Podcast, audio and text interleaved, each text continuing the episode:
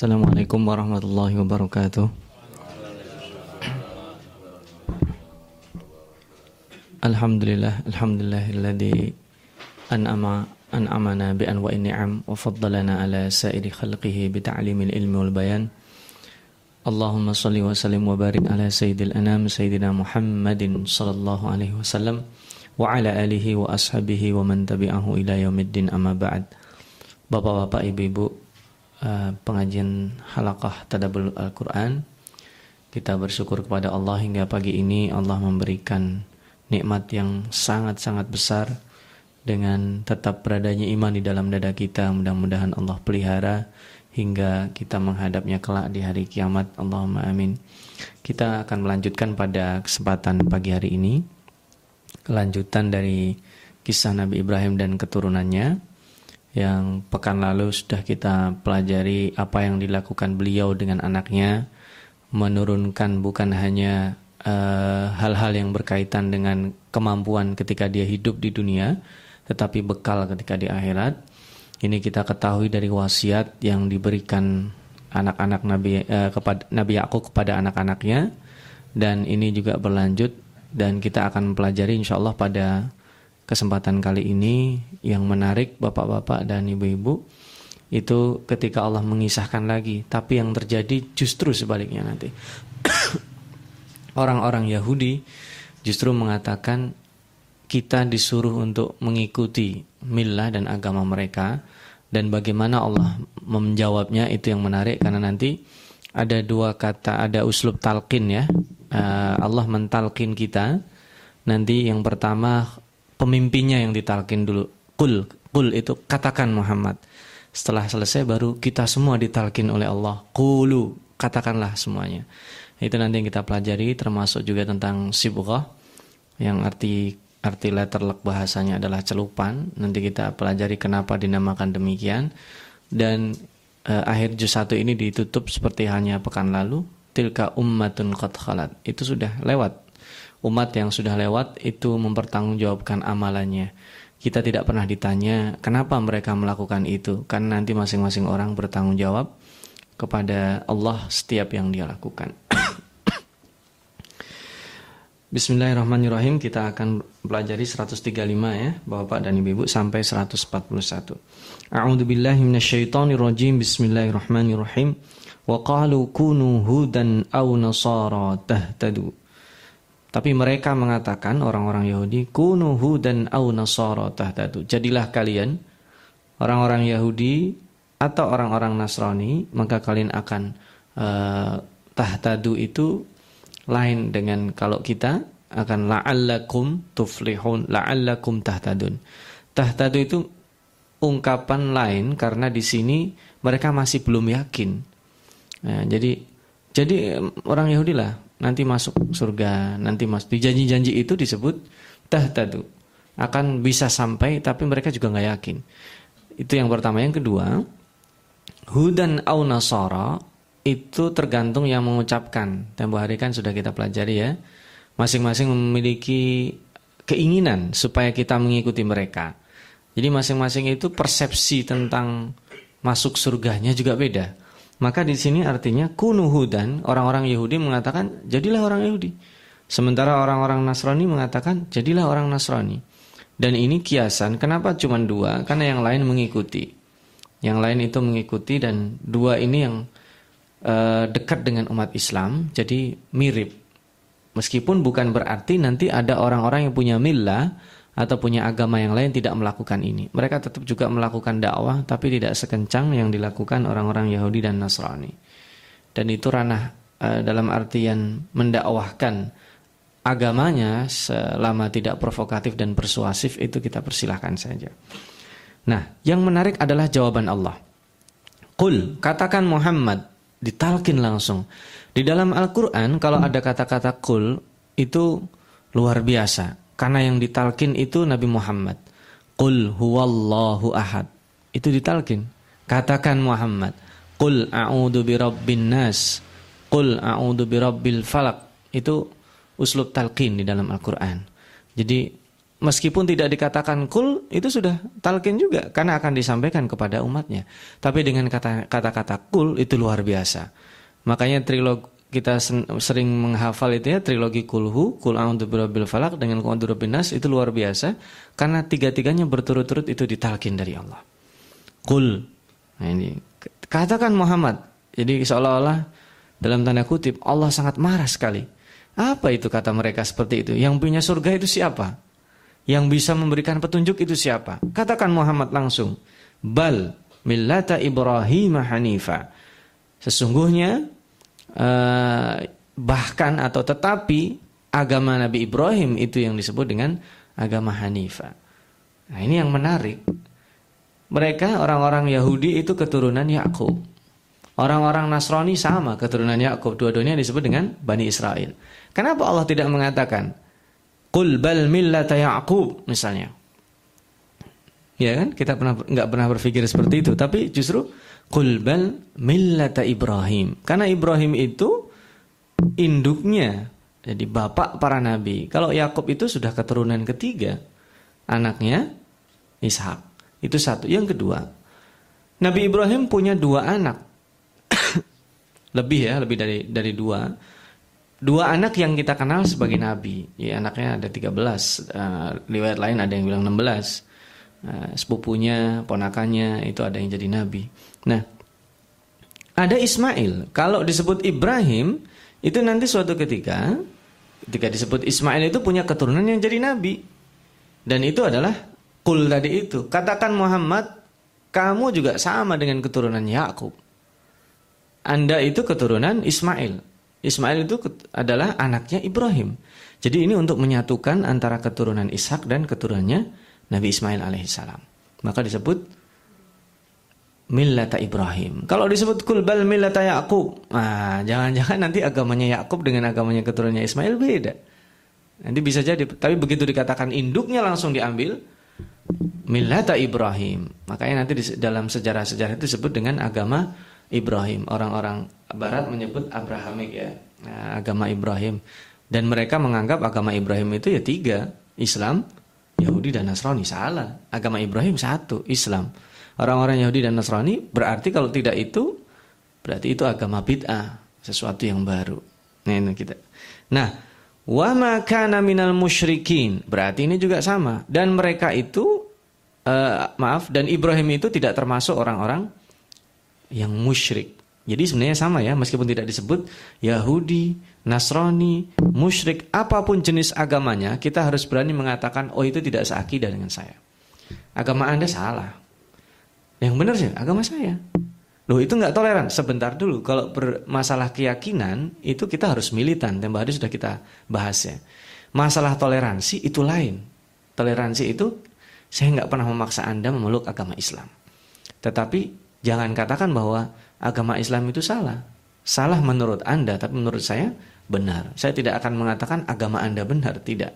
Karena millata Ibrahim Hanifah itu karena itulah saya memeluk agama Islam. Kalau tidak, akibatnya kita menganggap semua agama sama ya, terserah. Nah, untuk bila kita didik anak kita nomor satu agamanya A, nomor dua anak kita agamanya B, itu rusak jadinya, runyam. Karena masalah akidah kita harus militan. Nah, yang kedua, setelah ditalkin Nabi Muhammad, kita umat Islam seluruh kaum mukminin ditalkin oleh Allah. Qulu katakan orang-orang yang beriman, amanna kami beriman billahi wa ma unzila ilaina wa ma unzila ila Ibrahim. Kami beriman kepada Allah. Jadi seolah-olah kita sedang ber, uh, berhujjah, sedang berdebat dengan orang-orang Yahudi dan Nasrani langsung ditalkin oleh Allah. Padahal harusnya cukup melalui Nabi Muhammad, Nabi Muhammad mentalkin uh, kaum mukminin, tapi tidak. Kita langsung ditalkin oleh Allah. Qulu amanna billah wa ma unzila ilaina yaitu Al-Qur'an, kami beriman kepada Allah dan Al-Qur'an, wa ma unzila ila Ibrahim dan beriman kepada suhuf Ibrahim karena Ibrahim tidak menerima kitab. Suhuf Ibrahim wa Musa dalam surat Sabis tadi yang kita baca dalam yang kita dengar dibaca imam dalam surat subuh tadi. Jadi itu suhuf dan karena suhuf itu tidak setebal kitab, tapi sama aja suhuf dengan kitab itu asalnya dari Allah. Dan bukan hanya wama unzila ila itu bukan hanya kitab sebenarnya dan segala sesuatu yang diturunkan Allah kepada Nabi Muhammad, Al-Qur'an dan hadis dan segala sesuatu yang berkaitan dengan itu. nah, berikutnya yang menarik disebut wa Ismail, wa Ishaq, wa Yaqub. Jadi ditegaskan lagi kalau yang tadi induk diambil sekarang anak yang disebutin. Dan anak-anak yang disebutin coba menarik sekali. Ismail, Ishak. Dan Ismail tidak disebut keturunannya. Padahal ada. Kenapa Yakub supaya mereka tahu Yakub itu sama dengan yang lainnya, nabi-nabi. Wal asbad, asbad dalam bahasa Arab itu dari kata-kata siptun. Nah, itu plural ya. Arti letter leknya adalah cucu dari anak perempuan. Jadi kalau uh, kita punya anak perempuan, itu nikah dengan laki-laki yang itu jatuhnya mantu. Nah, itu disebut asbat dalam bahasa Arab. Dan ini juga menandakan bahwa Nabi Yakub punya anak perempuan.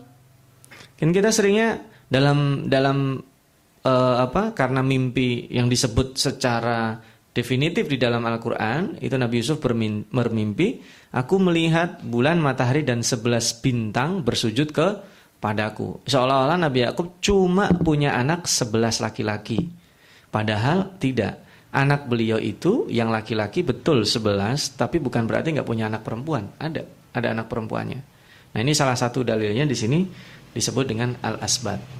Nah itu secara khusus, tetapi al-asbat di sini umum, yaitu cucu dan seterusnya, maka disebut dengan asbat.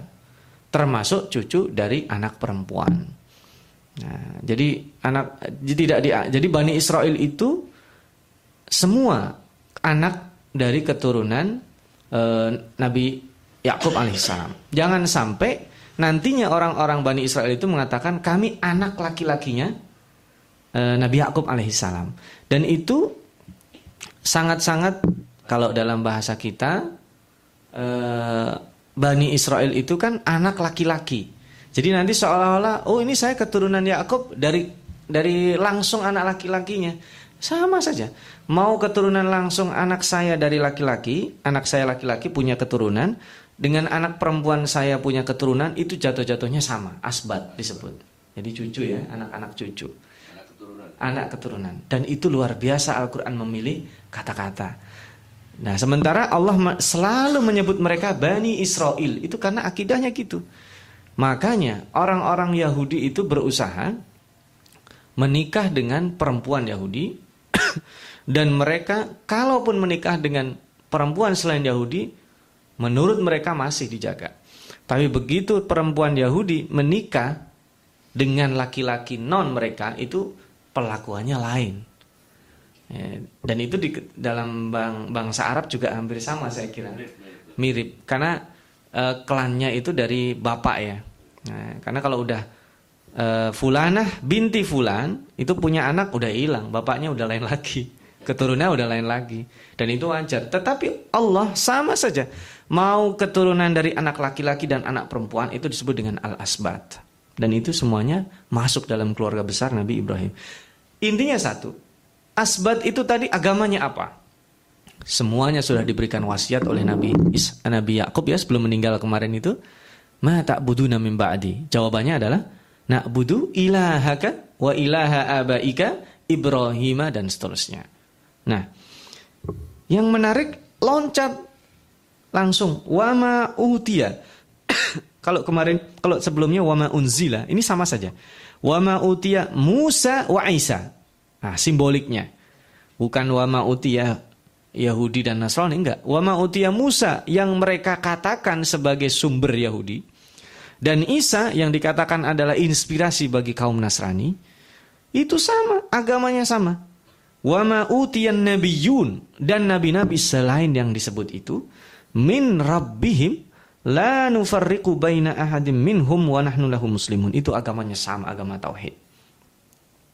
Luar biasa. Ini kalau kita bahas satu ayat saja, Al-Fakir baru sempat baca tadi beberapa menit sebelum ke sini. Kajian bahasanya detil sekali.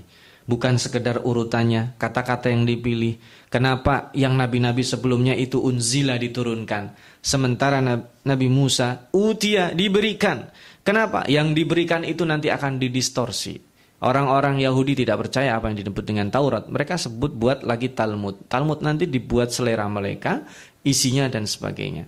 Kemen sementara Injil juga demikian. Tidak ada umat Nasrani sekarang yang mengatakan kitab saya Injil. Tidak ada. Mohon maaf, sekarang temuilah orang-orang yang Nasrani itu. Kitab sucinya apa? Perjanjian baru. Nggak ada mereka nyebut Injil, nggak mau. Ya Alkitab itu nama lain. Iya. Mereka nggak menyebutnya Injil. Nah, padahal aslinya itu yang diturunkan Injil. Nanti lain waktu kita bahas itu. Karena itu sejarah agama, eh, keyakinan orang itu panjang bahasanya. Nah, terus dilanjutkan, maka kami wanahnu lahu muslimun terhadap yang disebut ma satu baik kepada Musa eh, atau Isa ataupun induknya Ibrahim dan juga Nabi Yun sebelumnya Nabi Adam dan nabi-nabi yang lainnya yang jumlahnya kita tidak tahu yang hanya kita wajib ketahui 25 saja itu sama akibatnya. La nufarriqu baina ahadim minhum kita nggak boleh membeda-bedakan.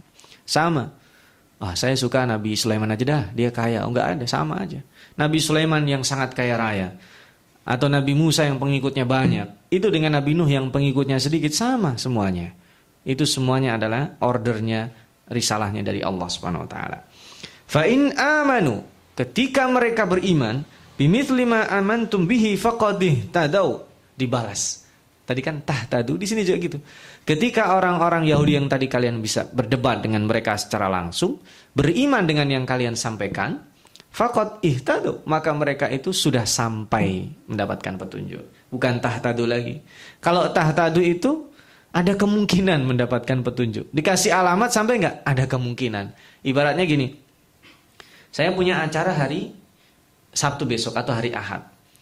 Bapak saya kasih undangan. Saya sudah keluarin undangan. Ketika ditanya, eh si Fulan udah kamu kasih undangan. Ya udah saya kasih. Datang nggak? Nah, bisa nggak saya memastikan Bapak datang atau tidak? Itu disebut dengan tahtadu. Walillahi mathalul a'la. Tapi kalau seandainya mereka mau beriman, itu bukan tahtadu. Sudah ihtadu. Udah sampai di sini. Saya nggak mempermasalahkan Bapak dapat undangan saya atau tidak. Yang penting udah sampai, dapat undangan atau tidak, itu prosesnya tidak ditanyakan. Mana lebih menarik? Ketika saya sampaikan, oh Pak Fulan sudah saya undang atau Alhamdulillah dia sudah datang. Yang kedua, karena yang kedua itu betul-betul sudah sampai. Undangan itu adalah sarana wasilah. Tapi eh tado itu betul-betul sudah sampai kepada alamatnya. Tempo hari sudah kita bahas di awal surat Al-Baqarah Muhtadun itu artinya apa? Atau ala hudan ya, sudah kita bahas ya. Bisa dirujuk lagi nanti. Fa in tawallau, sementara ketika mereka berpaling, fa innama hum fi shiqaq. Sesungguhnya mereka itu shiqaq. Nah, ini nak untuk bila shiqaq itu perselisihan yang bisa menyebabkan permusuhan. Nah, pertanyaannya permusuhan dengan siapa? Dijawab langsung oleh Allah. Fasayakfika humullah. Maka Allah akan mencukupkan kamu. Gak usah mikir. Humullah. Jadi itu urusan Allah. Wow, na'udzubillah ini yang berat. Kalau bermusuhan dengan Allah, makanya dalam Al-Quran itu kata-katanya banyak ya. Fa'zanu biharbin minallah. Dalam sebuah ayat ada. Maka sekarang siap-siaplah atau umumkanlah kalian itu akan berperang dengan Allah. Enggak imbang berperang dengan Allah. Dan sebenarnya tidak etis. Enggak ada yang sanggup memerangi Allah. Ada dalam innamal ladina Allah. Bagi mereka yang memerangi Allah, itu juga enggak etis kata-kata itu. Tapi kenapa disebut? Karena mereka sangat berani dengan Allah. Maka ketika fasayakfikahumullah, itu orang yang tahu bahasa Arab itu serem. Fa sa itu fa maka langsung tanpa jeda sa itu akan tapi jaraknya sangat dekat. Yakfika cukup bagi kamu berdakwah saja. Humullah Allah mencukupkan Anda dari mereka itu urusan Allah. Alim. Allah maha mendengar yang mereka katakan mau dicaci, dimaki dan sebagainya. Alim memiliki rencana makar mau membunuh kamu, mau memfitnah kamu di depan kamu manis, di belakang menikam. Alimun. As-sami al-alim. Makanya di sini kenapa tidak dikatakan wahuwal aziz misalnya atau wahuwal ghafurur rahim? Karena ini yang paling tepat. Wahuwa as-sami yang maha mendengar bisik-bisik mereka, mau merancang makar. Al-alim, apa yang mereka katakan, maksudnya apa Allah tahu.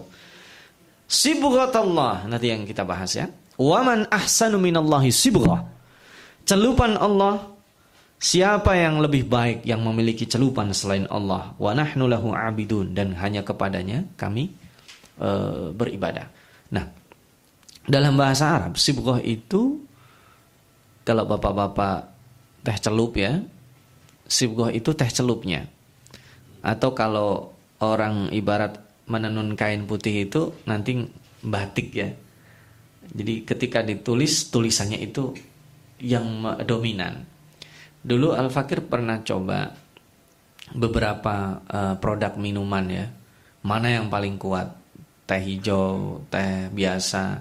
Terus dicoba dengan karikade, hibiscus mungkin ya, nama bunga. Uh, tahu Bapak-bapak ya? Yang merah itu ya, yang agak asam-asam itu. Kalah semuanya. Iya, kalah. Yang paling kuat yang mana? Yang warnanya paling gelap ya kan? Nah, ini kira-kira demikian supaya kita bisa paham. Sibgoh di sini arti bahasanya kayak gitu, tapi yang dimaksud Allah adalah agama Allah. Kenapa dinamakan agama itu sibgoh? Itu satu, selain yang dipermisalkan tadi, sibgoh itu terlihat dari atharnya. Ngaku Islam, tapi kalau kelakuannya tidak Islam, itu celupannya ya ibarat teh ya, tehnya bening. Kurang ya berarti ya. Nah, kurang. Ibarat minuman setengah-setengah. Celupnya nggak tanggung, baru dicelup sekali, ditangkat lagi. Ya orang akan beda ini air putih atau teh, ya kan? Kenapa? Karena celupannya nggak sempurna. Sibukatullah itu celupan yang mengalahkan semuanya. Siapa yang memiliki celupan lebih baik dari Allah? Agama Allah. Orang orang kita beragama dengan baik itu sisi-sisi atharnya akan kelihatan dan harusnya demikian. Dimulai misalkan al-muslim man salimal muslimuna min lisanihim. Orang muslim itu yang disebut dengan bisa membuat tetangganya aman atau orang orang sesama Islamnya dulu aman dari lisan dan tangannya. Nggak pernah ngomongin buruk, nggak pernah melakukan kebijakan atau apalagi di sini tangan itu bisa nempeleng kekerasan fisik atau non fisik, mencemarkan nama baik dan sebagainya. Makanya dinamakan Islam itu luar biasa. Islam tunduk, salam, damai, kita sholat itu yang diucapin apa? Assalamualaikum warahmatullah. Kedamaian. Seolah-olah selesai kita beribadah kepada Allah udah selesai, kita sampaikan misi assalam dan rahmah, damai dan kasih sayang. Ya kan? Ketemu sesama muslim juga demikian. Kemudian di dalam Al-Qur'an ada disebut dengan Darussalam. Di dalam Al-Qur'an ada disebut dengan Subulas Salam. Salah satu Asmaul Husna di dalam eh, Al-Qur'an ya. Uh, apa? Wallahu alladzi la ilaha illa wal hayyul qayyum. Wallahul khaliqul bar uh, sebelumnya. Wallahu alladzi la ilaha illa wal hayyul qayyum war rahmanur rahim. Terus wallahul al malikul quddus as-salam. As-salam itu artinya meskipun diterjemahkan itu sejahtera, sejahtera itu hasilnya Assalam itu yang menyejahterakan, memberikan ketenangan. Makanya al-muslim tadi di kata-katanya kan mukmin memberikan keamanan. Salam itu memberikan kedamaian. Maka misi kita, sibgoh itu, meskipun macam-macam bertengkar, salam itu akan mengalahkan perdamaian. Orang bertempur itu endingnya, ujung-ujungnya itu menuju kepada kedamaian. Entah itu nanti mereka berdamai atau mohon maaf salah satu dari dua pihak yang bertempur itu hilang. Kan itu orang bertempur itu memang banyak motifnya, kekuasaan, merampas, tapi mereka itu ingin setelah bertempur itu saya kuasai dan saya menang tenang gitu. Cuman orang salah, motivasinya salah, tetapi Allah melihat bahwa assalam itu tetap akan memberikan uh, sibghah yang lebih dari sebelum-sebelumnya. Makanya sibgah, sibgah Allah itu lebih dominan dari yang lain. Dan hanya kepada Allah. Meskipun di sini bahasanya tidak hanya kepada karena iya di sini. Wa nahnu lahu dan kami ditekankan kepada kami karena kami itu tadi dari awal kita yang ditalkin oleh Allah. Abidun. Nah, kemudian ditantang lagi. Kembali kepada Nabi Muhammad. Qul. Qul itu sekali lagi itu uslub talqin. Allah mentalkin kepada Nabi Muhammad, "Atuhajunana apakah kalian uh, apa tuhajunana itu apakah kalian mau mencari alasan mendebat kami dengan hujah-hujah yang tidak baik tentang Allah jadi Allah itu ditiadakan, Allah dikecilkan. Wa huwa rabbuna wa rabbukum. Allah itu Tuhan kami dan Tuhan kalian juga. Nah, ini toleransinya itu di sini. Walana a'maluna walakum a'malukum. Udah kalau memang kalian tidak mau beriman, batas toleransinya ya kami beramal, kalian beramal. Wa nahnu lahu mukhlisun kami ikhlas kepadanya. Dan nanti kita lihat ini ditengahi lagi. Nah, ini adalah perimbangan. Ketika kulu Kulu itu Allah mentalkin kepada kita dan kita disuruh mentalkin atau menyampaikan kepada orang-orang yang tadi sedang berdebat dengan umat Islam, yaitu Yahudi dan Nasrani. Am taquluna, apakah kalian berani mengatakan? Jadi ini tidak ada ke kita karena ini tugas pimpinannya. Jadi order pimpinan, makanya tidak ada kulu. Kemudian katakanlah sampaikan kepada mereka enggak. Itu or, kita berdakwah kepada orang lain itu harus dengan koordinasi pimpinan. Enggak boleh sembarangan sama-sama kita mendakwakan ini pas gak kondisinya? Nah itu makanya kul. Di sini beda dengan yang di atas. Kul kemudian ada kulu. Di bawah di sini kul kulu nggak ada. Langsung kul katakan. Langsung amta kulun. Apakah kalian berani mengatakan? Orang-orang yang tadi berdebat yang mengatakan jalah jadilah orang Yahudi dan Nasrani masuk surga. Jadilah ini kalian akan mendapatkan petunjuk. Am taquluna inna Ibrahim wa Ismail wa Ishaq wa Yaqub wal asbat kanu hudan au nasara. Apakah kalian berani mengatakan Ibrahim, Ismail, Ishak, Yakub dan anak keturunannya itu orang-orang Yahudi dan Nasrani? Berani mengatakan gitu? Jawabannya apa kira-kira? Ya beranilah. Kalau nggak berani mereka nggak bilang gitu. Tapi nggak disebut sama Allah. Langsung kul. Tas talkin lagi ya. Kul katakan Muhammad. A antum a'lamu minallah. Siapa yang lebih tahu? Anda atau Allah? Waman adlamu mimman katama syahadatan indahu minallah. Ini nohok kata-katanya. Siapa yang lebih zalim dari orang yang menyembunyikan persaksian di sisi Allah. Jadi orang-orang Yahudi dan orang Nasrani itu mengetahui Nabi Muhammad. Ya kan yastaftihuna, ya kan? Tiap hari kita bahas ya. Mereka ketika melihat orang-orang Arab menganggap oh ini orang bodoh, Ya Allah turunkan Muhammad supaya kami menang dari mereka, mengalahkan mereka. Jadikan uh, apa istilahnya tawassul. Turunkan Muhammad. Jadi sebelum Nabi Muhammad datang mereka sudah tahu. Mereka tahu bahwa nanti yang diutus adalah Muhammad. Cuman begitu Nabi Muhammad itu dapat wahyu dari Jibril itu, oh ternyata bukan keturunan mereka, bencinya minta ampun. Nabi Muhammadnya dibenci, Jibrilnya juga dibenci. Tempo hari sudah kita bahas ya. Jibrilnya dibenci, Nabi Muhammad jadi dibenci. Segala sesuatu yang bukan mereka itu dimusuhi dan ini sudah sangat rasis sekali. Nah, wa mallahu bighafilin amma ta'malun dan sesungguhnya Allah tidak pernah lalai. Perkataan, ucapan, apa yang dirancang itu semua diketahui oleh Allah Subhanahu wa taala. Tilka ummatun itulah umat yang sudah lewat. Qad khalat sudah uh, lewat sebagian besar sudah meninggal dan tidak ada lagi mereka laha makasabat mereka sudah melakukan sesuatu. Walakum makasabtum dan yang kalian lakukan itu kalian akan mendapatkan balasannya. Laha makasabat itu sudah berbuat mereka menuai hasilnya. Walakum makasabtum kalian juga demikian. Dan ini di closing dengan walatus aluna amma kanu ya'malun. Dan kalian tidak pernah ditanya kenapa mereka sesat? Enggak karena sudah sudah berdakwah. Nah ini bapak-bapak dan ibu-ibu singkatnya dari yang kita tadaburi beberapa ayat dan ini sangat tepat karena ditutup ayat ini karena nanti cerita selanjutnya ada hubungannya dengan orang-orang musyrik. Jadi tepat satu juz penuh itu mayoritas membahas ahli kitab Nah, coba Bapak mungkin bisa jadi bosan ini kapan selesainya? Begitu selesai orang mukmin, orang kafir itu dibahas kan langsung orang-orang yang munafik lalu samar itu batasnya dengan orang-orang ahli kitab.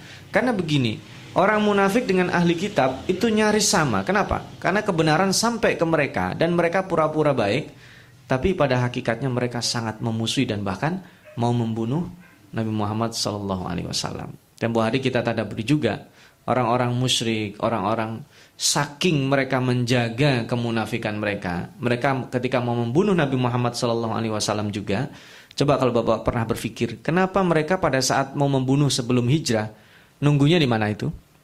Di depan pintu ya. Kenapa sama-sama berniat jahat kok nggak masuk? Ya pernah berpikir ya bapak-bapak ya. Ketika Nabi Muhammad SAW mau dibunuh sama orang-orang kafir Quraisy itu, nunggunya kok di depan pintu, tidak masuk. Namanya sama-sama jahat udah dobrak aja pintunya. Masuk aja bunuh aja. Nah itu tempo hari sudah kita bahas dan ini uh, juga untuk menjaga. Jadi sama-sama orang mau membunuh mereka membuat ya buat aja seperti kecelakaan. Bisa aja ya. Kalau mereka mengatakan dulu buat aja itu seolah-olah dibagi darahnya di uh, semua kabilah supaya keluarganya tidak menuntut balas. Itu makar dan Allah as-sami al-alim. Itu Allah tahu semuanya. Maka ketika kita membahas ayat ini uh, dalam waktu yang tersisa Al-Fakir akan mengambil konklusi yang paling menonjol dari bahasan kita pagi ini dua. Satu, kenapa di ayat-ayat yang kita bahas ini Allah mentalkin Nabi Muhammad dan mentalkin kita? Itu uh, kayak kita begini. Nah, nanti kamu kalau ditanya gini sama gurumu, itu kalau ke guru sama teman-teman katakan. Nggak harus gitu kan kata bapak itu kerjanya gini gini gini. Itu sudah anak akan ngasih tahu bapak kerja saya gini kenapa pulangnya malam? Gitu. Tapi ini langsung ditekankan nah kalau kamu ditanya kok yang ngambil rapot yang ngantar sekolah yang dan sebagainya kok nggak pernah bapak katakan? Jadi ditekankan kan berarti ya. Katakan bapakmu kerjanya perginya sebelum subuh pulangnya hampir subuh misalnya jadi perginya pagi banget pulangnya malam banget misalnya Kan ada yang kayak gitu kan ya. Jadi katakan itu penekanan. Padahal tanpa katakan itu juga sama. Tapi dengan kata-kata katakan itu penekanan. Dan ini berarti langsung ke satu orang, yaitu pemimpin Nabi Muhammad kan kul itu satu. Yang kedua, kenapa harus ada kulu? Tentu permisalannya nggak bisa kayak tadi ya. Jenderal misalnya, ketika mendapatkan order dari sultan atau raja, Jenderal ini mau melakukan diplomasi. Wahai jenderal, kamu dan pasukanmu yang berjumlah ribuan, aku kirim ke negeri A. Bawa surat ini sampaikan kepada mereka. Sampaikan kepada mereka itu kan cukup kepada pimpinannya kan? Kul kan? Sampaikan kepada mereka pesanku, bla bla bla. Itu pesan raja. Tapi ini juga dikatakan, wahai kalian para pasukan. Ya kan gitu kan? Sampaikan juga. Berarti kalau saat ibarat membawa surat, itu surat difotokopi sejumlah itu. Eh, nyampe ya permisalannya ya. Jadi ketika pesan raja surat sakti itu dipegang jenderal, itu namanya kul. Katakan Muhammad.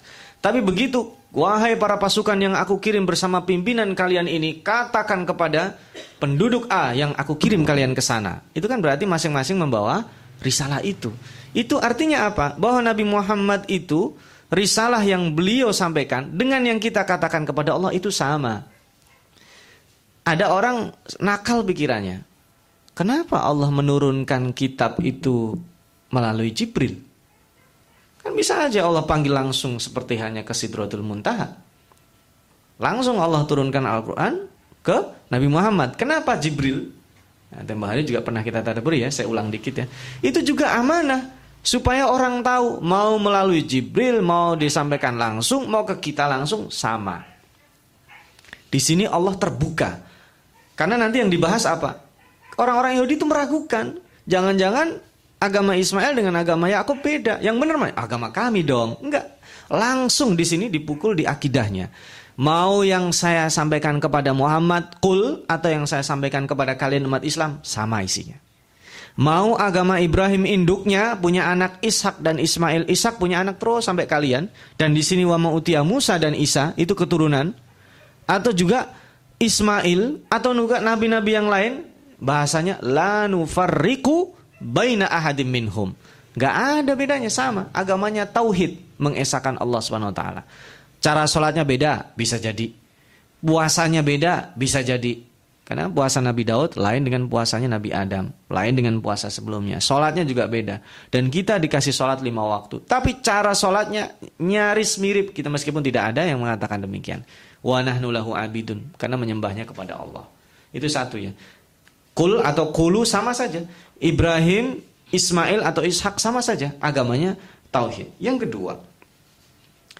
Di dalam uh, bermuajah atau bertemu pendapat berbeda pendapat dengan mereka kita harus tegas karena di sini ini e, berbicara kepada militansi akidah kalau sudah apa agama anda Islam anda percaya ini oh tidak jadi ketika membahas tentang akidah itu hitam dan putih nggak ada abu-abu ini halal atau haram halal ini haram atau halal haram ini halal atau haram Wah, ntar dulu bisa halal bisa haram.